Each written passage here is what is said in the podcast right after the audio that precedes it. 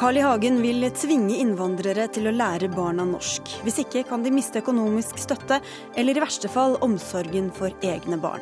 Men tonen i forslaget faller verken i smak hos Arbeiderpartiet eller Amal Aden. Utlendingsnemnda er ikke egnet til å treffe beslutninger om folk virkelig har skiftet tro, mener biskoper. De som blir forfulgt for religionen sin, får bli, svarer nemnda. Venstre og KrF prøver å kneble Frp og blir frekkere og frekkere, sier Per Sandberg, og møter en av frekkasene. Og menneskerettighetsbruddene i Nord-Korea sammenlignes med nazistenes grusomheter i ny FN-rapport.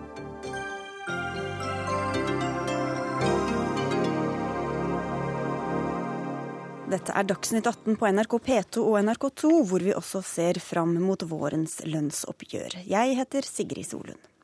Og først til Carl I. Hagen, som har skapt debatt igjen. I dag foreslår han eh, med Oslo Fremskrittsparti i ryggen å opprette en egen integreringsetat. Den skal ha myndighet til å sjekke om innvandrerfamilier lærer barna sine norsk. Gjør de ikke det, kan etaten bl.a. frata familien økonomisk støtte. Og Hvordan skal denne etaten fungere, Carl I. Hagen? Den skal være en koordinerende etat. I dag er det mange forskjellige som arbeider med noe av det samme. Altså barnehagene, skolene, lokalmiljøer, idrettsbevegelser, barnevernet fremfor alt. Eh, vi sier at en, en, etat skal ha ansvaret for en spesiell ting, nemlig en god integreringsarena, slik at vi unngår konflikter på etnisk grunnlag og religiøst grunnlag i fremtiden. Og særlig skal den varsles hvis det er eh, la oss si, bekymringsmeldinger at det er en familie som ikke kan norsk, noen av foreldrene og de snakker bare med sitt barn på et annet språk. Da skal noen få beskjed, slik at man kan ha et besøk hos den familien og foreldrene og gi dem veiledning og råd om hvorledes de skal innrette seg. Fordi jeg syns det er omsorgssvikt hvis ikke foreldrene til norske barn som er norsk, født i Norge, ikke kan norsk når de begynner på skolen. Det er et foreldreansvar, men de skal få hjelp og assistanse. Og kanskje noen pålegg og beskjed om at sånn og sånn må du gjøre. Og du, Språk er jo viktig, men du viser også til noen råd fra din partikollega Christian Tybring-Gjedde, som har bedt innvandrerforeldre bl.a. om å lese norske eventyr, la barna bare se på norsk barne-TV osv. Hvordan skal denne etaten vurdere om rådene er fulgt og at integreringen har skjedd godt nok? Ja, det er det samme som barnevernet også kommer med råd og veiledning og følger opp for å se om familien har endret seg i tråd med de rådene. Det er akkurat det samme som skal skje med integreringsetaten. Eh, og det er klart, De kan gjerne se TV fra hjemlandet så lenge de kan norsk. Men hvis det kommer til fortrengsel, for at man lærer norsk. Ja, Da må de få beskjed nei, du skal se norsk barne-TV. Og så må foreldrene få beskjed ja, det, er fornuftig om de kan leke sammen med norske barn, at de kan gå i bursdager og andre sosiale sammenhenger med norske barn. Vi vil ikke akseptere at noen sier at nei, vi vil ikke at våre barn skal bli for vestlige. Det aksepteres ikke hvis de er bosatt seg i Norge, blitt norske statsborgere, så får de innrette seg slik at barna lærer norsk før de begynner på skolen. Og dette skal integreringsetaten gjennom samtaler, råd, veiledning og eventuelt pålegg eh, hjelpe de til å gjøre. Ja, For det er jo da snakk om å miste økonomisk støtte bl.a. hvis de ikke følger opp. Men, ja, men hvilke parametere skal de måles ut fra? Ja, det er jo det samme. Vi spør ikke om parametrene når la oss si, barnevernet foreslår å ta noen barn fra noen norske foreldre og overlate til fosterforeldre. det er ikke vi politikere som går i. Vi, vi sier at dette er barnevernsforeldre faglige vurderinger. Og det er en vurdering av de som jobber i denne etaten, som selvsagt vil få ekspertise og kunnskap om de ulike familiesituasjoner, som må gjøre det. Og da må det gjøres på normal måte, sånn som det allerede gjøres i dag, også overfor norske barn. Men vi håper det er i ytterste konsekvens. Det vi har gjort med de ti rådene fra Christian Tybring-Gjedde, han har fått spørsmål, og jeg har fått spørsmål. Ja, hva skal foreldre som kanskje selv ikke kan norsk, gjøre for at barna deres lærer norsk? Her er ti råd de skal følge. Og det må vi hjelpe dem. Det må de fortelles når barna er ett og halvannet år. Ikke vente til det er for sent når de er seks. Lise Christoffersen, stortingsrepresentant for Arbeiderpartiet. Hva syns du om forslagene fra Hagen? Jeg syns eh, det er to ting som er ille med det utspillet til Fremskrittspartiet i Oslo.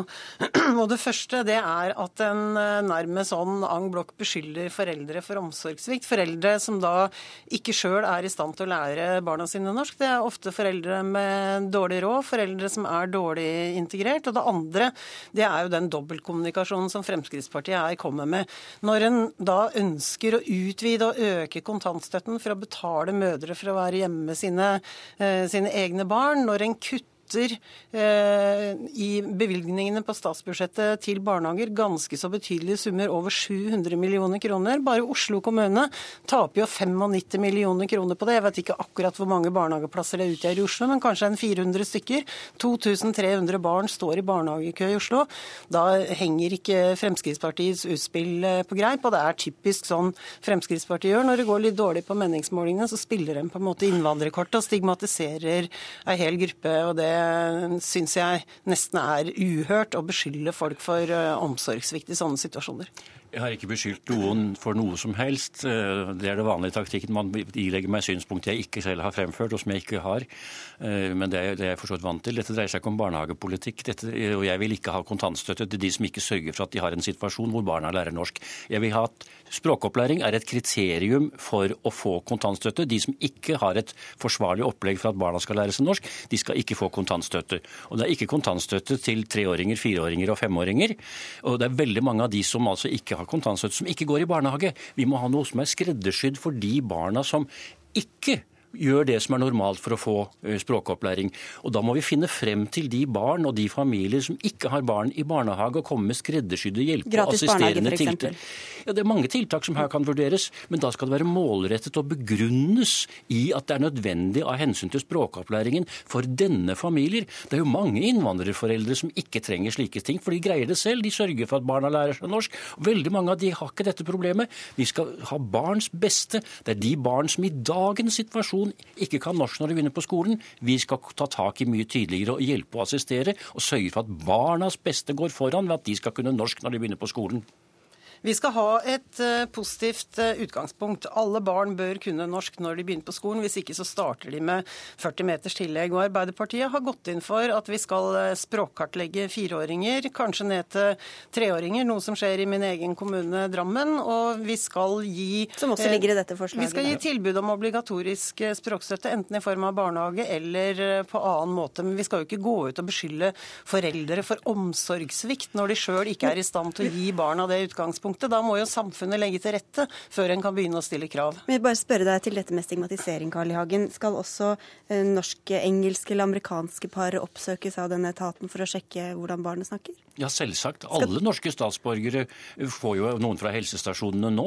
Og, og, og hvis, man, hvis, foreldrene ikke kan norsk, noen av de, så skal man integreringsetaten komme og spørre hva har dere tenkt til å gjøre. Selvsagt skal alle behandles eh, helt likt. For dere sier jo at de også skal orienteres om norske lover mot kjønnslemlestelse, tvangsekteskap osv. Hvordan tror du det blir, eh, føles for en, et norsk-somalisk legepar f.eks. å få sånn informasjon fra en sånn etat? Hvis det er et legepar, så regner jeg med at de har godt utdannelse. Og hvis de jobber som legepar, så har de norsk og da går jeg ut fra at de også er fullt innforstått med våre lovregler, som har selvsagt forbud mot kjønnslemlestelse av jenter. Så da skal de ikke få den eh, informasjonen? Jeg, jeg, jeg, jeg, tror man her prøver å legge synspunkter til meg som jeg ikke har. og De aller fleste syns jo det er hyggelig å få råd. Det er mange som har sagt tenk om noen hadde fortalt meg tidligere at jeg kunne gått der og der for å lære norsk. Tenk om noen hadde fortalt meg at jeg kunne kjøpe noe eh, lingafon, kalte vi det i gamle dager, altså hvor du selv kan lære. Kanskje noen hadde hjulpet meg eh, med, å, med å få TV-en min som kan se norsk barne-TV, og ikke, ikke, ikke, fra opprinnelseslandet.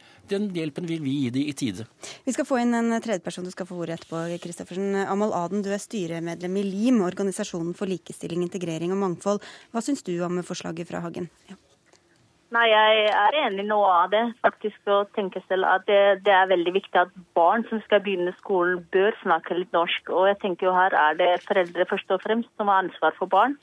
Og det er foreldre som må eh, skaffe den hjelpen. Men jeg tenker jo samtidig at kommunene og der de bor må rettelegges. Det, kan, det er jo, skal ikke tvinges, men det må jo rettelegges. Så tenker jeg alltid må vurderes hva som er barnets best. Og som jeg ser i dag, så ser jeg Oslo kommuner sliter når det gjelder eh, integrering. Jeg tenker jo sånn at det er veldig veldig viktig å jobbe mer med integrering. Hva kan vi gjøre for at foreldre skal integreres bedre? For jeg tenker Hvis foreldre er integrert bedre, så er det lettere for barna å lære seg norsk og gå i barnehage. Og Disse tiltakene han eh, lister opp nå, og, og potensielle følger av hvis man ikke følger dem, hva, hva tror du om det? Um, jeg, er, jeg tenker En integreringsetat hjelper veldig lite, tenker jeg. Sånn at Hvem skal de besøke, og hva skal de si? Det er, må foreldre bestemme om hva slags eventyr foreldre, foreldre løser for sine barn. Det er opp til foreldrene. Men jeg tenker at språket må tas alvor. Og jeg ser jo folk som har vært mange år i Oslo som ikke snakker norsk. Folk som har norske bas, rødt bas, som ikke snakker norsk. Og dette er bekymringsfullt, syns jeg. Og at det må Oslo kommune ta mer alvor og lytte til faktisk de som har de som kommer med nye forslag, hva kan vi gjøre det? Men selvfølgelig så er jeg uenig med det der integreringsetat som skal gå rundt omkring og besøke foreldrene og se hva foreldrene gjør. Det, det vet jeg ikke om det er noen virkning halvveis støtte, altså. Kristoffersen? Ja, jeg er enig med Amal Aden i at barn bør snakke norsk når de begynner på skolen. At kommunen må tilrettelegge. Men jeg mener at også staten har et ansvar for at foreldrene eh, skal bli bedre integrert. Og jeg syns Carl I. Hagen snakker seg bort fra hva det hele egentlig dreier seg om. Hans parti sitter nå i regjering. De fører en politikk hvor de selv i statsbudsjettet har sagt at det blir færre barn i barnehage. Eh, hvor eh, hans egen regjering går inn for å betale mødre for å være hjemme med barna. Vi ser det i kommune etter kommune nå. Tønsberg unnlater å bygge 40 nye barnehageplasser. Hamar kommune slutter med løpende opptak. Nå ser vi konsekvensene av den politikken som føres, og dette henger ikke på greip. Vi må ha dette skreddersydd. Det hjelper ikke å snakke om landsbasis. Her må vi se på den enkelte familie, og vi må finne de familier som sliter og ikke har en situasjon hvor barna lærer norsk. Og Det er der vi skal sette inn tiltakene. og det er der Begge snakker om at kommunen må gjøre det. Ja, Nå har jeg sagt hvordan kommunen skal organisere det arbeidet for å sikre det vi alle er enige om. Og Jeg var jo veldig glad for at Amal Aden også i et intervju 26.11. i fjor i Aftenposten ga uttrykk for at man skulle trekke støtte fra Nav hvis ikke foreldrene gjorde det som var nødvendig eh, for at man fikk barna godt integrert og selv aktive for å lære seg norsk og tilpasse seg. Men da har jeg lyst til å spørre Carl I. Hagen, syns Carl I. Hagen at det er OK at hans regjering fører en politikk hvor Oslo kommune har tapt 95 millioner kroner til eh, barnehager, og hvor det står altså 2300 barn i kø. Og vi vet at det beste tiltaket for at barn skal lære norsk, det er å komme i barnehage. Det må du svare helt kort på jeg kan bare si at Det er mye den nye regjeringen gjør som er veldig bra. men Dette er blant de tingene jeg jublet over. Men 95 millioner i et 33 milliarders budsjett, for dette er ikke øremerkede midler. Det går ikke til barnehager, som Lise Christoffersen her prøver å late som. Det går til kommuner. De står helt fritt med hensyn til hva de bruker. Da er vi liksom inne i en litt annen debatt. Det, har, nei, nei, det er barnehagepolitikk politikk. Og her har jeg sagt at vi må finne de familier og de barn som ikke er i barnehage. Ikke pga. mangel på plass, men fordi at foreldrene ikke vil at de skal gå i barnehage. Der må vi hjelpe barnet for det er barnets beste som er utgangspunktet. Oslo kommune styrer Fremskrittspartiet. Og vi er nødt til å avrunde. Nei, vi er ikke i byråd, vi er i opposisjon i Oslo kommune. bare. Amaladen, du kan få gi med politikerne et råd på, på tampen her. Hva må gjøres? Nei, ja, det jeg vil bare si er ja, integreringens en del mislikes jo faktisk i Oslo. Jeg tenker Det må jo ta nye grep, og det må jo, kommunen må tenke på nytt og tenke det kommer nye tiltak. Hva kan vi gjøre? det? Og jeg er helt enig, Det må få konsekvenser. Folk som bor i Norge som ikke lærer seg norsk, folk som nekter barn å integrere seg, som mener liksom at ja, greit, det er greit å føde barn i Norge, men barna må ikke bli for norsk. Det er jo bekymringsfullt. Og jeg tenker Det er viktig å ta det her alfor, og barna som skal vokse opp i Norge, må lære seg norsk. Det er veldig viktig. Og Det er dette samtidig, vi ikke vil akseptere lenger. Det, det er samtidig det jeg prøver å si er Hvis man vil ha det som er best for både integrering og likestilling, så bør det først og fremst fjernes kontantstøtte. For det er der regjeringen feiler. Det er der det er et problem. Kontantstøtten må tas bort. Ja, kontantstøtten må tas fra de som ikke har et forsvarlig opplegg for at barna lærer norsk. Det må være et kriterium for å få tildelt kontantstøtte. Og Jeg har eh, vært ordfører i innvandrerby nummer to i Norge, nemlig i Drammen. Og jeg har ennå til gode å møte de foreldrene som nekter barna sine å lære norsk. Men jeg har møtt veldig mange som er fortvila fordi de sjøl ikke evner den oppgaven, og ikke syns at offentlig stiller opp bra nok. Og det er der vi må sette inn tiltakene. Lise Christoffersen fra Arbeiderpartiet, Carl I. Hagen fra Fremskrittspartiet og og Amaladen, takk skal dere ha for at dere var med i Dagsnytt 18. Dagsnytt 18 alle hverdager klokka 18.00 på NRK P2 og NRK2. I dag kom tallene som kan få mye å si foran vårens lønnsoppgjør. Det tekniske beregningsutvalget for inntektsoppgjørene la frem rapporten om utviklingen i lønninger, priser og konkurranseevne de siste årene, noe som kan være avgjørende for eh, vårens eh, lønnsoppgjør. Odne Cappelen, du er leder for det tekniske beregningsutvalget for inntektsoppgjørene. og Dette utvalget høres kanskje ikke så fengende ut, men eh, det er tall dere presenterer som både sier mye om oss, og som kan få mye å si for oss. Ja, det i hvert fall skal jo prege bakgrunnen for oppgjøret eh, til våren. da. Og hva, mm, hva viser hovedanalysen? Ja, eh, Vi sier litt om den alminnelige lønnsutviklingen, eh, som stort sett har fulgt eh, mønsteret fra de foregående årene, i underkant av 4 eh, Det varierer litt mellom det vi kaller hovedforhandlingsområdene. Noen har litt mer og noen litt mindre, og det varierer litt over årene. I fjor var det Eh, var vel bank og forsikring eh, som kom litt høyere ut enn en snittet. Eh, men de hadde svakere enn snittet året før, så tingene må ses litt over tid, og det er viktig å, å få med seg. Så sier vi litt om et litt teknisk begrep, som, men som også er viktig i selve oppgjørene, nemlig det som heter overhenge. Hvor mye blir lønnsveksten i 2014 uten at det blir gitt tillegg? Overhenget er altså Det er altså det som på en måte eh, har vært lønnsveksten gjennom 2013. Og som hvis vi da bare fortsetter med det vi hadde på slutten av året, så vil vi allikevel få et høyere gjennomsnitt enn det vi hadde i 2013. Så det har litt å si for hvordan tilleggene tilpasses i løpet av eh, virkningstidspunktene for oppgjøret. Så det er i år, altså innenfor det oppgjøret som vi nå står foran, lavere enn det var i fjor, men det er relativt normalt ut fra at vi har toårssykler i forhandlingene. Altså de store rundene, sånn som den vi har nå i år. Eh, da vil det normalt sett være et lavere overheng enn det det er i perioden med mellomoppgjør. Sånn, Her må man sitte og notere, tror jeg, ja, det. Er sånn, men, men, men er, sånne ting skal liksom være på plass, fordi dette er det tekniske beregningsutvalget, og da skal disse teknikalitetene de skal være der. Det sier seg selv. Ja, og Så har vi et anslag på, som eh, spiller en viss rolle, som jeg ser av eh, i hvert fall av journalistenes eh, interesse, har, har, har, preget deres respons, det er at hvis den valutakursen gjennomgående som vi hadde for, i forrige uke, da vi gjorde ferdig vårt arbeid, blir værende ut dette året, så får vi en klar svekkelse av kronekursen fra gjennomsnitt 13 til gjennomsnitt 14, og det vil prege prisutviklingen, konsumprisutviklingen. Eh, som da kan stige opp mot det som er omtrent Norges Banks inflasjonsmål. Og så viser det seg eh, at lønnsforskjellene mellom industriarbeidere i Norge kanskje ikke er så stor som man tidligere har regnet med fra utenlandske industriarbeidere. Ja, og for det første, her snakker vi om ansatte i industrien som helhet, ikke bare arbeidere. Ehm, og det er riktig som du sier at det er en stor revisjon i tallene. Her baserer vi oss på eller vi baserte oss på utenlandske kilder i fjor som ikke lenger eksisterer. Eh, og andre har overtatt beregningene som vi rapporterer. Og, og, og det er klart at eh, det, eh, det er uheldig når vi må lage et brudd i beregningene på den måten. Men vi hadde ikke noe alternativ. Fordi vi kunne ikke fortsette sånn som vi gjorde i fjor. Og så er innholdet i det lønnsbegrepet som vi da rapporterer, det er også litt forandret. Og så er tallene revidert av de internasjonale statistikkorganisasjonene.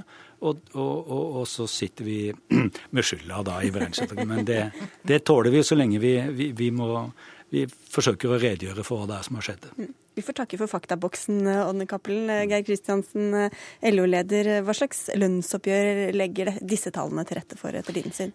Ja, altså det, det, der ligger jo fortsatt en, en vekst i industrien, selv om den er svakere enn den har vært tidligere. Og det betyr jo at vi har et grunnlag for å forhandle eh, på økonom, økonomi.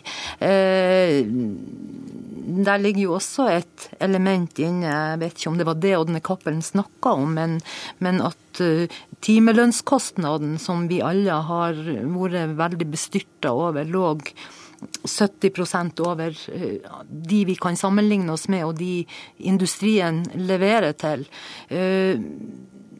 Den er nedskreven til, til 55, og det, det, er klart at alle disse elementene får jo betydning for oss. Altså det blir ikke noe nulloppgjør eh, i år hvis dere får bestemme? Nei, det, det, kommer nok ikke til å bli det. Eh, men, men der ligger jo elementer i TBU-tallene som eh, når man får sånne krigsoverskrifter som i, som i VG i dag morges, der vi, der vi får sammenligninger mellom bank- og finansnæringa, og der man slår opp tall som at disse tar ut over 40 000, og, mens at vanlige arbeidsfolk ligger på noe over tid, så, så er det jo dette noe som, som provoserer i forkant av et, uh, av et, oppgjør. Og der tror jeg jo at uh, Finans-Norge må, må ta et lite grep. For hvis vi får de resultatene år etter år, så vil vi jo få noen forskjeller eh, som ikke er bra.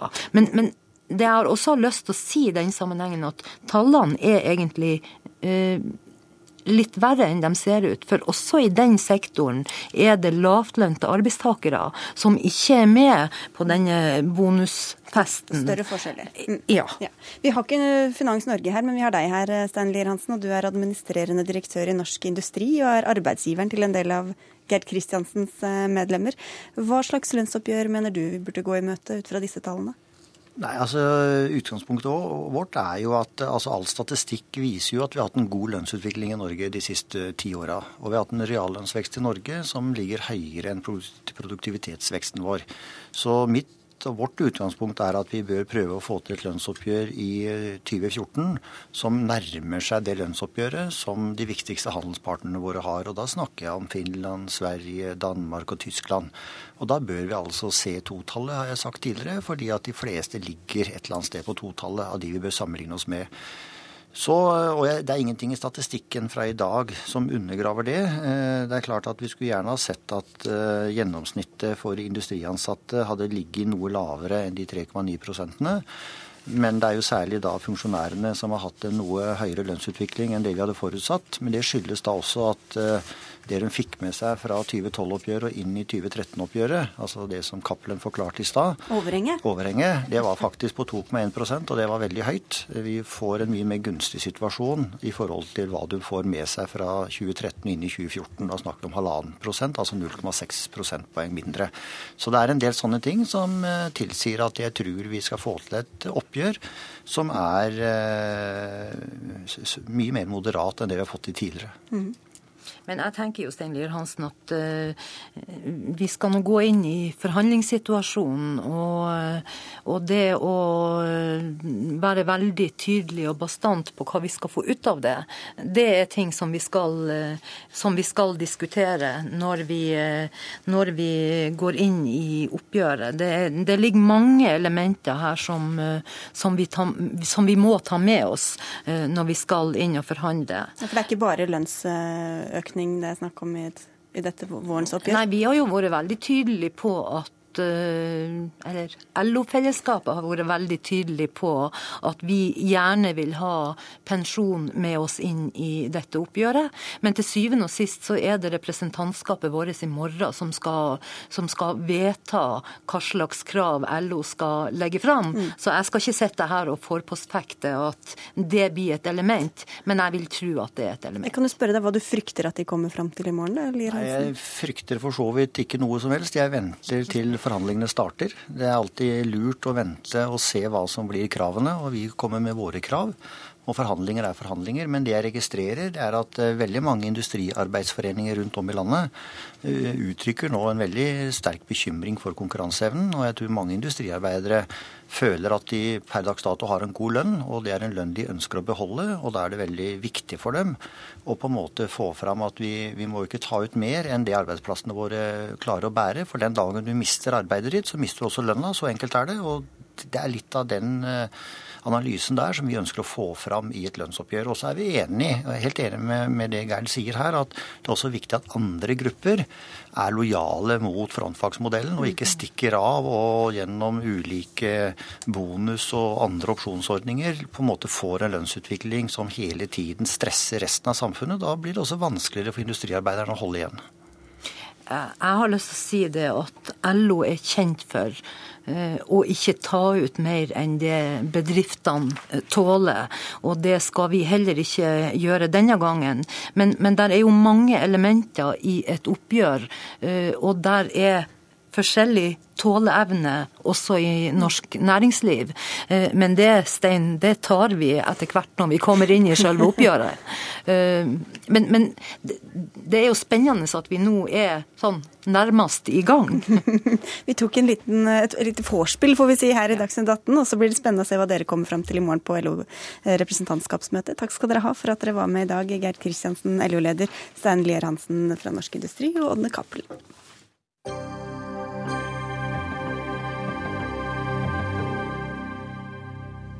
Og snart her i Dagsnytt 18 spør vi om VGs liste over Norges 100 mest betydningsfulle bare er en gigantisk feiring av borgerligheten. Men før det. Det er ikke bare bare å være mindretallsregjering med to små samarbeidspartier på slep, skal vi tro Fremskrittspartiets nestleder Per Sandberg. Til Dagsavisen sier han at KrF og Venstre blir bare frekkere og frekkere og tar på seg en kongerolle for å legge lokk på Frp. Og hva har de gjort for å fortjene en sånn beskrivelse, Per Sandberg? Ja, det var en mild beskrivelse jeg kom med der, da, når vi ser på hva lederen i Venstre uttalte i forhold til meg og Fremskrittspartiet. Når man tillater seg eh, å lage karakteristikker som at jeg er brun i kantene fordi at jeg fremmer Fremskrittspartiets primærpolitikk, altså folkeavstemminga. Om, om, innvandring, det var det dere Ja, folkeavstemninga generelt. Men det var med bakgrunn i folkeavstemning eh, som er vedtatt i Sveits. Det har Fremskrittspartiet hatt i sitt program og sin politikk i 30-35 år. Eh, og jeg ser ikke noen grunn til at, eh, at man skal bruke den karakteristikken på hverandre. fordi Det kan ikke være sånn fordi om vi har en avtale og en regjeringsplattform at man ikke skal snakke om sin primærpolitikk. For da blir det temmelig kjedelig, syns jeg. Og så tillater jeg meg en annen ting også. Når leder lederen i Venstre i tillegg påstår at jeg snakker om én ting i et lukka rom, men sier noe annet utafor rommet. Derfor har jeg etterlyst hva er det jeg har sagt i forhandlingene med Venstre og KrF og Høyre som jeg ikke holder fast ved utenfor forhandlingene. Folkeavstemninga har aldri vært et tema i forhandlinger med KrF og Venstre. Og Derfor så er det altså heller ikke noe brudd på noen avtale. Derfor så mener jeg at eh, Venstre sin leder er uredelig og prøver, og prøver å legge lokk på Fremskrittspartiets tillitsvalgte og folkevalgte i forhold til å fremme primærpolitikk. For det vil Venstre også gjøre, og det skal de få lov til å gjøre. KrF skal gjøre det. Hvis ikke så kan vi bare avlyse programbehandling fram til 2015 og 2017. Trine Skei Grande kunne ikke komme til oss, men jeg antar at du vil komme til hennes forsvar, eh, nestleder Ola Elvestuen? Ja, Det jo eh, Trine Skei Grande gjorde, var jo å i Stortingets spørretime be om en avklaring fra Fremskrittspartiet i regjering, om de sto fast på den avtalen som de fire partiene har inngått. Og Det er viktig å si at dette ikke er en eh, samarbeidsavtale som går mellom Venstre og KrF og regjeringen. Det er en samarbeidsavtale som de fire partiene, også Fremskrittspartiet, har stilt seg, stilt seg bak. Og det har vært oppe i ledende fora, også i Fremskrittspartiet, før den ble undertegnet. Eh, og Der fikk vi en avklaring med at regjeringen regjeringen jo selvfølgelig ikke vil gå inn for noen, noen eh, folkeavstemning, for det vil bryte med den, den, samarbeidsavtalen. Og Jeg forventer også at Fremskrittspartiet, og det overrasker meg jo hvorfor man kjører dette frem, fordi denne avtalen den binder jo opp. Man kan ikke her Det er jo et forslag som man ikke vil kunne følge opp, verken i regjering eller fra Stortinget. Altså den er brudd, hvis det, hvis det var politikken, så ville det være et brudd ja, med samarbeidsavtalen? Her sånn har vi en avtale på innvandringsfeltet som er like lang som den resterende avtalen. Og her har vi funnet et balansepunkt mellom fire partier på et område hvor det er stor avstand mellom de fire partiene, ikke minst mellom Venstre og eh, Fremskrittspartiet. Og det har funnet fram til en enighet om hvordan vi skal føre den politikken i fire år framover. Og den er sånn, sånn sett så er, den, så er dette en uttømmende avtale, og du kan ikke bringe inn nye elementer. Og så er det den andre delen som vi også reagerer på når vi snakker om at det her er det ulik, ulike formuleringer, eller hvordan man uttrykker seg ulikt i det som er da avtalen. I avtalen så snakker vi jo, så har vi en innledning, vi snakker positivt om nødvendigheten av arbeidsinnvandring inn i Norge, samtidig som vi jo erkjenner at vi må gå inn i problemstillinger. I Per Sandberg sine uttalelser så setter han eh, det med innvandring direkte opp mot muligheten for å opprettholde velferdsstaten mm. Norge. Ja, hvis, ikke, hvis ikke, du skjønner det, så har vi et intelligensproblem, sa venstrepolitiker Abid Raja til Dagsavisen. Ja, Raja vil jeg ikke kommentere i hele tatt, men, eh, men det er helt uttrykte det er fire partier som har en avtale. Eh, og folkeavstemninga, og er det nå eh, Venstre har helt rett i, så var ikke folkeavstemninga tema i hele tatt, verken oppe i Nydalen eller på Sundvolden for den del. Så det har ingenting med avtalen å gjøre. Det at Fremskrittspartiet har en primærpolitikk, og det har jo Venstre også, har jeg i hvert fall skjønt så langt, da, at de er for folkeavstemninga. At de er for direkte eh, demokrati. La meg si det sånn. Fremskrittspartiet er fortsatt for konsekvensutredning av Lofoten og Vesterålen. Men vi har en avtale med dere, og den forholder vi oss til.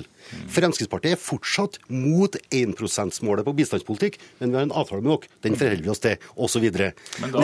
Derfor så blir det interessant. Vil... Det, skal, det skal bli interessant å se framover nå. Hvis det er sånn en uttømmende avtale vi har på innvandringsfeltet. Hva skal man gjøre fram mot 2015 og 2017 hvis man ikke skal utvikle ny politikk og se på de utfordringene som kommer hver eneste dag? Og vi har ikke sagt når vi skal fremme noe forslag om folkeavstemning. Jeg har visst til at Folkeavstemning er primærpolitikken til Fremskrittspartiet, enten det er utfordringsrett, innbyggerinitiativ, anbudsprinsipp eller folkeavstemning. Og det trodde jeg vi var enige med Venstre om, men det er vi da tydeligvis ikke, fordi vi har en uttømmende avtale på innvandring og asylfeltet. Du sier de bruker det som en brekkstang for at dere skal holde kjeft? Ja, jeg, jeg føler det sånn. For når våre folkevalgte og tillitsvalgte der ute, og jeg har et visst ansvar i forhold til det, for det er første nestleder i Fremskrittspartiet, og la meg si med en gang jeg har anbefalt alle mine, både avtalen med KrF Venstre og plattformen. Og den har jeg til intensjon å holde til fulle. Det sier jeg til mine tillitsvalgte og folkevalgte. Men jeg skal også sørge for at våre folkevalgte og tillitsvalgte får lov til å drive politisk, eh, politisk eh, verksted. Både i storting, i kommunestyrene og fylkesting. Og da er det vår politikk, ikke regjeringsplattformen, som skal fremmes. Mm. Men da er dette altså en mening, så det er ikke noe krav fra Fremskrittspartiet om at man skal ha folkeavstemning, som jo er det som har vært i, i eh, mediebildet. Så da går jeg ut fra at dette er, dette er noe som man ikke vil gå videre med og sånn, sånn, at det er eh, helt eh, avklart. Og Når jeg ser at det er en uttømmende liste, så er det klart at det er et betydelig håndverk som ligger bak den enigheten vi har på innvandring- og asylfeltet. Og det er klart at Skal man bringe nye elementer i det, så er det noe som de fire partiene vil måtte være enige om. Jo, og Det som nå jo, ligger her, er selvfølgelig å gå, å gå, å gå eh, videre på innholdet i den avtalen, og hvordan vi skal jo, men er det en folkeavstemning har jo ikke trengt å rikke over denne avtalen. At du får høre hva folket mener om norsk innvandring og integreringspolitikk. Trenger ikke å rikke ved avtalen. For det første så mener jeg at det er selve feltet egner seg usedvanlig dårlig for en eh, folkeavstemning. Et så komplekst felt så vil du ikke kunne få en, et eh, enkelt uh, svar. Og det er sånn også, så er jo det du uttrykker ut av det, er jo at det her sånn er det en avstemning mellom da innvandring eller eh, velferd, Nei. som jo er stikk i strid med det du selv har skrevet under på, Nei. og som Fremskrittspartiet har vært enige om i den avtalen Nei, det er som, som vi har Du, du siterte sjøl i innledninga. Ja, vi, er, vi, skal være positive til arbeidsinnvandring, men samtidig så innser disse fire partiene at det er store utfordringer. Og det handler altså om hvorvidt at det blir bærekraft i det norske velferdssamfunnet med gårsdagens innvandringspolitikk. Det er vi enige om. Og, vi... og, da, og hvilke spørsmål vi skal stille til folk i en folkeavstemning, ja, det må vi jo bare eventuelt komme tilbake til. Men for å spørre om det litt mer prinsipielle her. altså Dere blir ofte beskyldt for å drive dobbeltkommunikasjon. Hvordan skal folk der ute skjønne når du snakker som nestleder i Frp, og når du snakker på vegne av eh, regjeringen, og hvem som snakker for hvem? Ja, Det er ikke så vanskelig. Det er fordi at vi har en eh, plattform. Og der er jeg klar og tydelig på der vi har avtaler. Når det gjelder folkeavstemning, så er ikke det nedfelt i noen avtale. Det går utafor avtalen. På samme måte, la meg ta et annet eksempel. Også noe som irriterte meg litt, da. Fordi at uh, Høyre, nei, KrF og Venstre har fått godt betalt gjennom avtale og plattformen. Lofoten og Vesterålen, 1 %-mål osv. Så, videre. så kommer man til Stortinget. Hva er det da Venstre og KrF gjør? De tvinger Fremskrittspartiet nærmest i kne for å få innført en, øk, en, økning på mineralavgifta på diesel. Ja, det var heller ikke en del av avtalen. Det er en budsjettforhandling, og, det kommer jo det kommer til å her, dette er jo to helt vidt forskjellige ting. Men Så tåler ikke de at vi fremmer vår primærpolitikk og synspunkter på det i, i, i offentligheten med folkeavstemninga. Hvis dere legger fram et forslag om folkeavstemning i forhold til innvandring, så vil det, det være et brudd på den avtalen som vi har nei, inngått. Nei. Og jo, det vil det selvfølgelig være. For det er selvfølgelig å bringe inn et helt nytt element i hele situasjonen. Her sånn har vi en enighet om hvordan vi skal gå videre. Og i stedet for å, hva skal vi si, å være i diskusjon om andre tema, så bør både Fremskrittspartiet, Venstre Venstre, KrF og Høyre nå konsentrere seg om hvordan vi skal utforme denne politikken på dette feltet ut fra den avtalen som vi har. En gang til. En folkeavstemning Jeg skjønner ikke hvorfor man er redd å lytte til folket, for det første. Men en folkeavstemning trenger ikke å rikke ved noen avtaler som ligger der i fire år fram i tida. Da får vi i hvert fall høre på hva folket mener om de forskjellige spørsmålene og de store utfordringene, særlig på dette området framover mot 2015 og 2017. Her blir dere altså ikke enige, men hvordan er stemninga mellom Frp og KrF og Venstre om dagen? Ja, det er veldig bra, det. ja, men vi er fire partier som forholder seg til, til hverandre, og vi håndterer et nytt flertall på Stortinget. Og så er det selvfølgelig sånn fra Venstres side, vi er bevisst på at vi sitter i en maktposisjon i Stortinget og bruker det ut fra denne avtalen som et grunnlag. vi, vi, bruker, nei, vi bruker budsjettprosessene selvfølgelig for å få igjennom egen politikk, og det vil du merke i årene framover. Og, vi vil, og vi vil selvfølgelig også bruke posisjonen i, på Stortinget på felt som ikke er omfattet av det. Ja, men det er veldig bra, og det står i respekt av for Venstre og KrF er veldig dyktige til det. Samtidig så sier jeg det også at er det noe de fire partiene fortsatt er enige om, da, det er det at vi var enige om å skifte regjering, og så har vi skifta regjering. Og da har Venstre og KrF også et ansvar i forhold til å passe på hvor langt man kan strekke strikken i forhold til det som eh, skal skje framover. Det kan bli spennende tider, det her. Altså. Takk skal dere ha for at dere kom til Dagsnytt 18, Per Sandberg og Ola Elvestuen.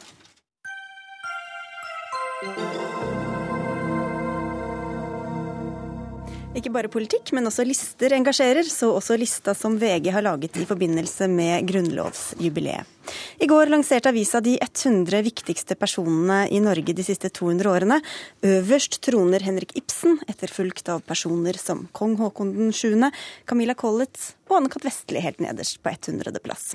Men alt i alt er denne lista en gigantisk feiring av borgerligheten, skriver du i en kommentar, Mimir Kristiansson, du er redaktør for Manifest Tidsskrift. Hvordan begrunner du det? Jeg begrunner det i den forstand at den viktige jobben som arbeiderbevegelsen og Arbeiderpartiet har gjort med å bygge det moderne Norge, den er usynliggjort på den listen, eller den kommer i for liten grad fram. Det er selvfølgelig noen Arbeiderpartipolitikere på den listen, det skulle bare mangle.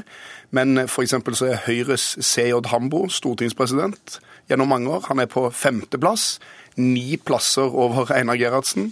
Man har funnet rom til én LO-leder Eh, like mange som har, plasser som man har funnet til Shabana Rehman på listen.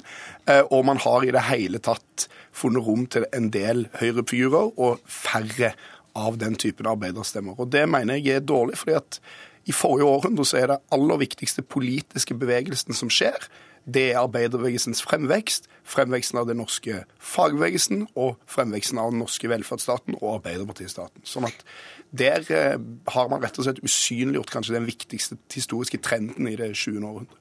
Dette er jo VGs liste, og vi har selvfølgelig spurt dem om å være med, men de kunne ikke være med her i dag. Men eh, Bård Larsen, du er eh, historiker i den liberale tankesmien Civita. Hva sier du til innvendingen fra Kristiansson? Altså jeg tenker at uh, dette, er en, uh, dette er ikke et forsøk på å omskrive historien, men det er et uh, relativt enkelt tabloid innspill fra VG.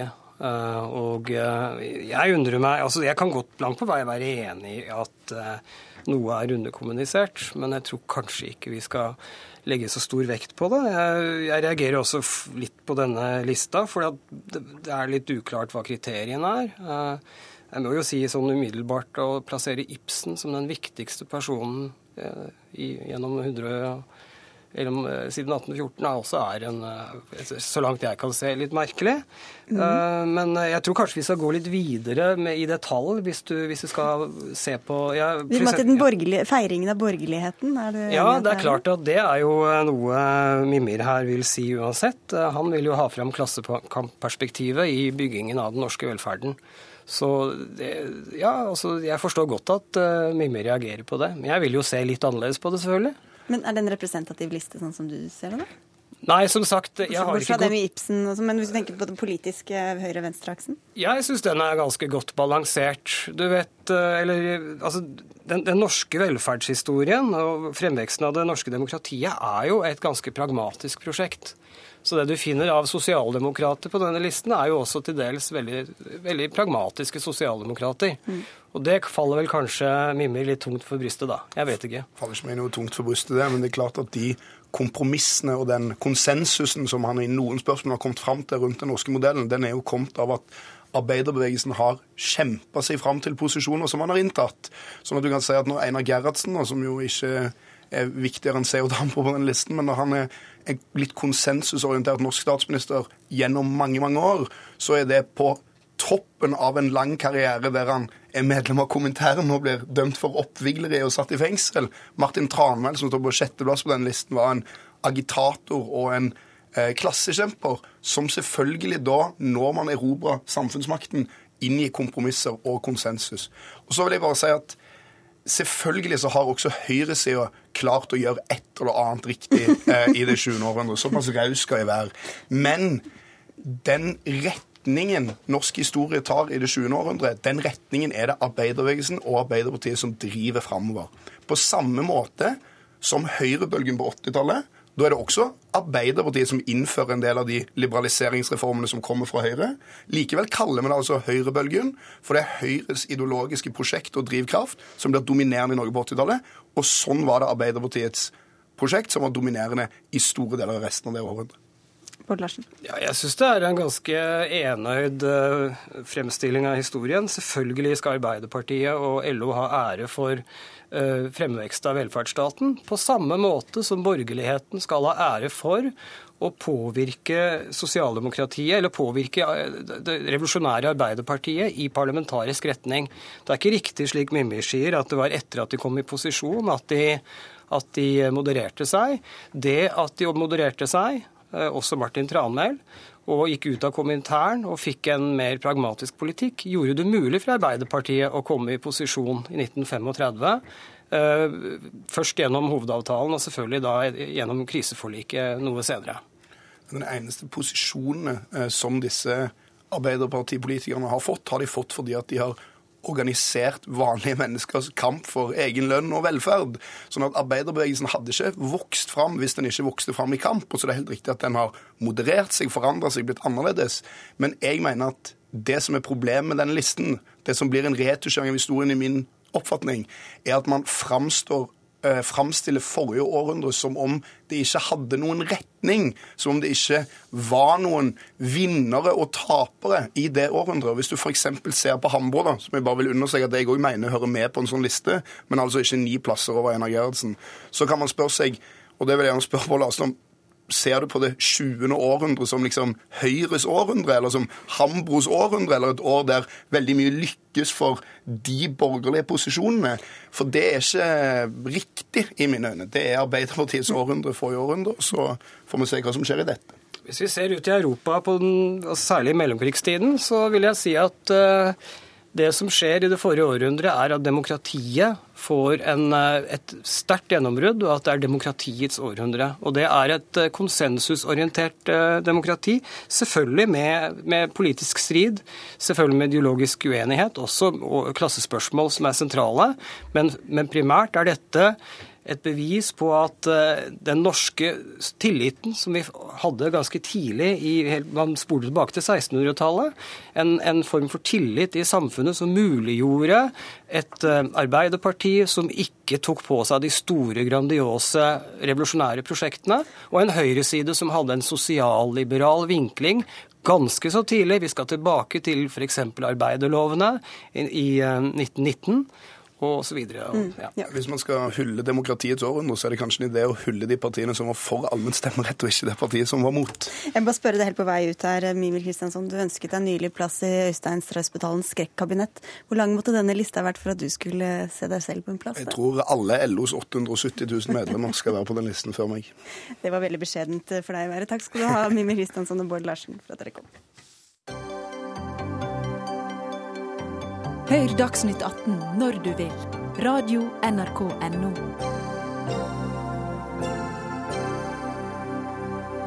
Snart her i Dagsnytt 18 spør vi hvem som best kan avgjøre om en asylsøker er troverdig eller ikke når han eller hun konverterer til kristen tro. Men først til en grusom rapport. Nord-Korea har begått forbrytelser mot menneskeheten slående like nazistenes grusomheter, fastslår en FN-kommisjon. I mars 2013 opprettet FNs menneskeråd en egen kommisjon som skulle avdekke alvorlige brudd på menneskerettighetene i Nord-Korea. Kommisjonen presenterte konklusjonene sine i Genéve i dag. Stig Arild Pettersen, utenriksreporter i NRK, hva forteller denne rapporten? Du skal ikke bla langt i hvert fall i denne nesten 300, nei, 400 sider lange rapporten før du skjønner at dette er ganske grusom lesning. Det er um, sånn at denne FN-gruppa ikke fikk tilgang til Nord-Korea selv, selvfølgelig, selv om de spurte om det. Og dermed så har de brukt uh, vitner, flyktninger Nord-Korea til å fortelle om hvordan det er inne i landet. Og de kan fortelle om eh, ting som tvungen abort, om eh, systematisk bruk av sult for å kontrollere befolkningen, og spesielt fanger i fangeleire. Det fins fire store fangeleire i Nord-Korea, og de holder et sted mellom 80 000 og 130 000 fanger. Ehm, det forteller om hvordan eh, tortur brukes her, egne torturkamre, og også om hvordan fangene i fangeleirene må kvitte seg med likene av medfanger når disse dør av eh, sult. Ehm, det er massehenrettelser osv. osv. osv. Og ikke minst, med denne rapporten så følger det tegninger som, eh, som disse flyktningene har tegna, som rett og slett beskriver de helt forferdelige opplevelsene de har hatt i hjemlandet sitt. Nord-Korea avviser dette som løgn, eh, men vil ikke slippe FN inn eh, fortsatt. Hva er FNs eh, respons på svaret fra Nord-Korea? Nei, De sier at svaret på det er enkelt. Hvis det er sånn som dere sier, hvis det er slik at dette ikke eksisterer, og det som blir fortalt er løgn og bedrag, som Nord-Koreas utsendte til Genéve i dag har sagt, ja, så bare slipp oss inn da, og vis oss hvordan det egentlig er. Vanskeligere kan det ikke være. Mm. Og FN vil også straffeforfølge regimet. Hvordan skal de få til det? Ja, Dette er oppsiktsvekkende. fordi FN sier er jo at dette er så systematisk at uh, dette er uh, alvorlige, um, alvorlige, forbrytelser mot menneskeheten. Uh, og da er det noen som er ansvarlige. Og i Nord-Korea så er, er, er, linjene sånn at det er det øverste, de øverste lederne som sitter ansvarlige, som, som styrer mye av det som skjer. Og Dermed har de sendt et brev til diktator Kim Jong-un sagt du personlig kan være ansvarlig for dette, og de har bedt FN henvise denne saken til Den internasjonale straffedomstolen. Det blir jo vanskelig, selvsagt. Vi vet at Kina er den viktigste allierte til Nord-Korea. Kina vil ikke eh, stemme for øh, stemme for tiltak mot FN, nei, mot Nord-Korea. unnskyld. Mm. og dermed så er man kanskje like langt. Men i denne rapporten så kritiserer man også Kina, og det er interessant, og sier dere kan være medvirkende til disse, disse bruddene hvis dere ikke tar et oppgjør med Nord-Korea, og ikke minst slutter å sende fanger tilbake til Nord-Korea, hvor de blir utsatt for tortur og henrettelser. Stig Arild Pettersen, takk skal du ha for at du var med. Rikard Skretteberg, du er seniorrådgiver i Flyktninghjelpen og har jobbet lenge med flyktninger fra Nord-Korea. Like ille som nazistene sier deg. Hva tenker du om denne rapporten? Den er ikke overraskende, fordi allerede i januar 2013 eh, så uttalte FNs høykommissær for menneskerettigheter at det var ingen tegn til bedring i menneskerettighetssituasjonen ett år etter at Kim Jong-un tok over makten. Eh, og denne rapporten eh, bekrefter jo akkurat det. Jeg har selv intervjuet mange nordkoreanske flyktninger som oppholder seg i Sør-Korea, og veldig mye av det som står i denne rapporten, kjenner jeg igjen i de, den informasjonen jeg mottok av, disse flyktningene. Bl.a. Eh, denne formen for kollektiv avstraffelse. At eh, hvis et individ gjør noe som eh, regjeringen tolker som kriminelt, så, så straffes hele familien. Eh, flyktningene er eh, knust når de kommer til Sør-Korea f.eks., for fordi de vet at eh, de var i desperat situasjon og måtte flykte, men de vet samtidig at foreldre, søsken osv. er igjen i nord og, og kan utsettes for, for, straff. De som kommer inn i Kina og ikke kommer videre, de risikerer å bli arrestert både av kinesisk politi og nordkoreanske infiltratører som regimet har sendt inn blant flyktningene. Eh, hvis du returnerer eh, og kan eh, bevise at du har rømt fordi du er sulten, så risikerer du fire år i arbeidsleier. Hvis du returnerer og nordkoreanske myndigheter mener at du har hatt samkvem med utenlandske organisasjoner, sørkoreanske, amerikanske osv., så, videre, så risikerer du livstidsstraff i arbeidsleirene og i noen tilfeller henrettelse. Du har fortalt oss at det skjedde noen endringer i Nord-Korea på begynnelsen av 90-tallet. Hva var det som hendte da? Eh, det er litt viktig å ha med det bakgrunnsteppet, for eh, Nord-Korea var et utviklet land, og var det i flere tiår. Eh, det er litt paradoks å tenke på at på begynnelsen av 60-tallet så var det en stor flyktningstrøm til Nord-Korea fra Kina under det store spranget eh, i Kina. Og det kom også mange nordkoreanere som bodde i Japan, til Nord-Korea. Eh, sånn at Nord-Korea på den tiden var jo økonomisk på høyde med Sør-Korea. Eh, det som skjedde eh, helt i begynnelsen av 1990-tallet, var jo at det gikk fra å være et utviklet land til nærmest kollaps i løpet av 91, 92, 93. Kim Il-sung, den evige president, døde i 94. Og fordi han døde nærmest på riktig tidspunkt, så har han fremdeles noe av legitimiteten i behold. Mm. Kim Jong-un, nei, Jung, som tok over da etterpå. Han jo, hadde jo en presidentperiode med 17 år hvor, han, hvor det må betale, betraktes som en ren katastrofe. Hvor landet falt sammen. Altså Nord-Korea har aldri vært nærmere sammenbrudd enn i 95. Da stoppet absolutt alt opp. Folk hadde ikke mat. Jeg snakket med folk som gikk på skole den gangen. De hadde to måltider uh, i begynnelsen. Så fikk de ett måltid, så var det ingen måltider. Og ingen strøm, ingen oppvarming i, i klasserommene. Folk fanget spurv, frosker. Legene måtte samle 20 kilo urter og lage egen medisin. Det var ingen bedøvelse på sykehusene osv. Det var et land i sammenbrudd.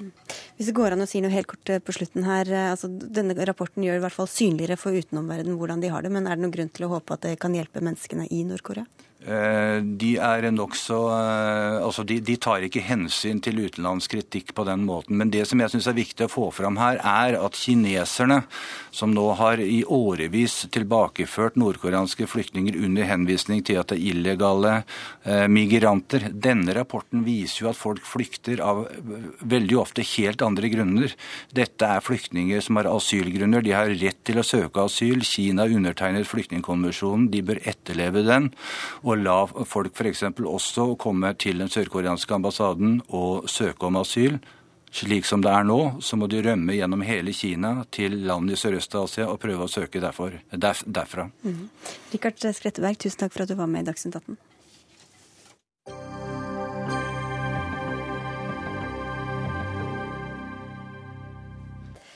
Biskopene i Den norske kirke er lei av at norske myndigheter og rettsinstanser trekker utenlandske konvertitters eh, kristentro i tvil i utvisningssaker. Nå krever bispemøtet at staten må stole på at kristne ledere klarer å bedømme om noen faktisk har skiftet tro eller ikke. Og biskop i Sør-Hålogaland, Tor B. Jørgensen, hvordan eh, trekkes utenlandske konvertitters kristentro i tvil, som du ser det? Jeg tror vel at det en henfaller veldig lett til å stille spørsmål som går på kunnskap, eh, som går på faktaorienterthet, og ikke ser etter de prosessene som en eh, trosendringsopplevelse er. Og Her tenker jeg at utlendingsmyndighetene våre, som altså ikke kjenner folk på nær tolv over tid, eh, har behov for å lytte mye mer enn det som er tilfellet i dag, til erfaringene som gjøres i menighetene hvor konvertitter lever, og hvor de til slutt føres fram til dåp.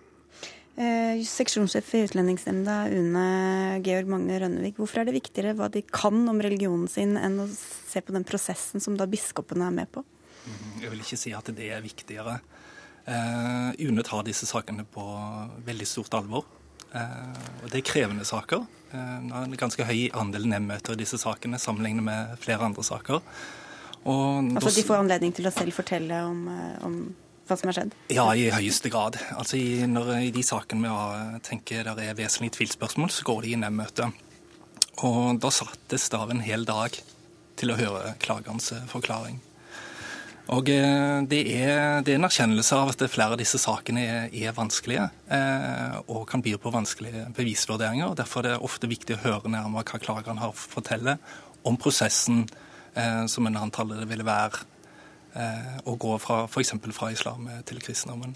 Det viktigste for eh, UNE det er jo å sørge for at eh, vi fatter et riktig vedtak, og at de som ikke har krav på tillatelse, ikke får det. Og fremfor alt det aller viktigste, at de som har et beskyttelsesbehov, at de får en tillatelse, at de får beskyttelse i Norge. Her får de altså en, kanskje en dag på å forklare seg, Jørgensen. Hvorfor stoler du ikke på at UNE da treffer riktig konklusjon? Det har nok noe med situasjonen å gjøre, og med mye erfaring som jeg mener at vi nå sitter med. Eh, jeg lytter til det som sies fra UNEs side, og har, eh, la meg nå si, det er stor respekt for eh, seriøsiteten i det arbeidet en ønsker å utføre. Men allikevel blir det store mangler i dette. Jeg har selv kjent godt eh, kristne konvertitter, og som har fått i sine dokumenter at en altså er uenig i at en har en reell kristen overbevisning.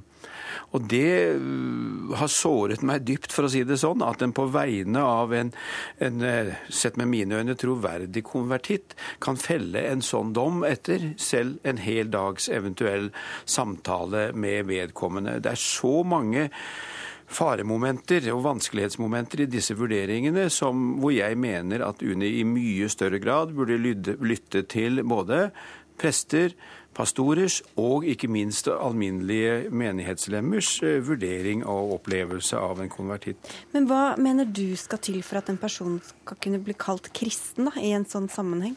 Jeg vil si at i utgangspunktet er jo den eh, trosendringsprosessen som kan være sammensatt, motivene kan være mange, som fører fram til dåp og dermed tilslutning til den kristne tro og en kristen menighet, er eh, det avgjørende.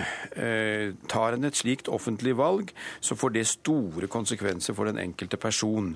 Motivene kan være mange, og de kan være sammensatte, og historikken i etterkant kan også være det samme. Men vi vet at det er folk som har blitt sendt ut av landet her, og som har kommet i, kommet i møte med store vanskeligheter etter hjemkomst. Hvordan vurderer dere om en person faktisk har skiftet tro, eller mm. hvordan undersøker dere det? Mm. Jeg tror det er veldig viktig å ha respekt for at ulike mennesker kan oppleve religiøs omvendelse på, på forskjellige måter. Eh, og Det er på en måte ingen sånn klar fasit på hvordan vi skal undersøke det. Men eh, hvis det blir påstått i sakene våre, eh, og vi tenker det er viktig, så skriver vi brev og ber klageren forklare seg nærmere om prosessen det har vært, å gå f.eks. fra islam til kristendom. Når vi mener det er vesentlige tvilspørsmål i sakene, så, så, blir det som sagt nemndmøte. Og da er det klagerens egen forklaring i nemndmøtet, gjerne en hel dag. Hva legger dere vekt på da? Eh, det blir en samlet vurdering av alle opplysningene som kom fram i saken. Eh, fra personen søkte beskyttelse i Norge, eh, gjerne sett i sammenheng med hvilke andre opplysninger som finnes i saken. Tidspunktet for når en kom i kontakt med kristendommen, f.eks aktiviteter i menigheten. Altså Hvis de har fått et avslag og så blitt kristne, så taler ikke det til vedkommendes fordel, for å si det sånn? Det vil være et moment vi vil se på, men det er ikke sånn at det automatisk diskvalifiserer. Men det er jo klart at det, vi må vurdere hver enkelt sak mm. hver for seg. Uh, ja. mm. men, men, Jørgensen, mener du at de bare burde høre på dere? Altså At det bare er biskopene som da skal avgjøre norsk asylpolitikk? Jeg vil prøve å avmytologisere biskopenes rolle i dette, da. Eh, kirken, da. ja, ikke sant. Og det dreier seg altså om lokale menigheter, lokale prester, både innenfor Den norske kirke og i andre kirkesamfunn, som har, har ansvar for å føre fram, eh, folk fram til dåp, og er med i den uh, prosessen. Men, uh, vi mener vel ikke egentlig at det er vi som skal ha det avgjørende ordet i spørsmålet om det er beskyttelsesbehov eller ikke, men i avgjørelsen på om en omvendelse, skråstrek en konvertering, er troverdig, så tenker jeg at de som er nær folk over tid, og samtale med dem, kunnskapsformidling, deltakelse i menighetsliv, bønneliv osv., er nærmere til å kunne gi en troverdighetsvurdering enn de som møter de i løpet av en dag. Mm. Hvor mye må man kunne om religionen sin for å kunne regnes som god nok kristen, mener du? Jeg skal høre med Une her. Eh, ja, altså Det er ingen kunnskapstest eh, vi baserer oss på. Vi spør også spørsmål om, eh, om religion. Og noe kunnskap forventes, men det viktigste er egentlig at personen kan forklare seg om den prosessen vi antar det vil være, og på en troverdig måte, mm. og sett i sammenheng med de andre opplysningene. Så det er også veldig viktig å understreke at det er ulik situasjon for ulike land. Når det gjelder Afghanistan f.eks., så er det sånn at eh, de som eh, anses å ha konvertert, anses å ha beskyttelsesbehov. Eh, mens for andre land så, så, vil det være en mer nyansert vurdering, også om det risikerer forfølgelse. Du får får, en avsluttende bønn, eller i hvert fall henvendelse her, Jørgensen. Takk skal du ha. Det er jo nettopp spørsmålet f.eks. om det landet en skal tilbake til. Der har vi ofte et inntrykk av at en har en forventning om at folk skal holde munn om sin nye overbevisning og sin nye tro. Da vil det ikke møte store problemer. Vi ønsker å fokusere på UNHCR, altså på FN-systemets definisjoner, og vi gleder oss over at den nye regjeringen har sagt at dette skal utredes nærmere. For det trengs et annet vurderingsgrunnlag enn det som vi i dag ser legges til grunn for vurdering av konvertitter. Og det tror jeg de sitter og snakker om akkurat nå. Takk skal dere ha for at dere var med i dag. UNE pålegger ingen å skylde sin religion. Ok, Takk skal dere ha i hvert fall for at dere var med i Dagsnytt 18, Georg Magne Rønvig fra UNE og biskop Tor B. Jørgensen. For Dagsnytt 18 er over for i dag. Ida Tune Øretsland, Lisbeth Sellereite og jeg, Sigrid Solum, var ansvarlig for den.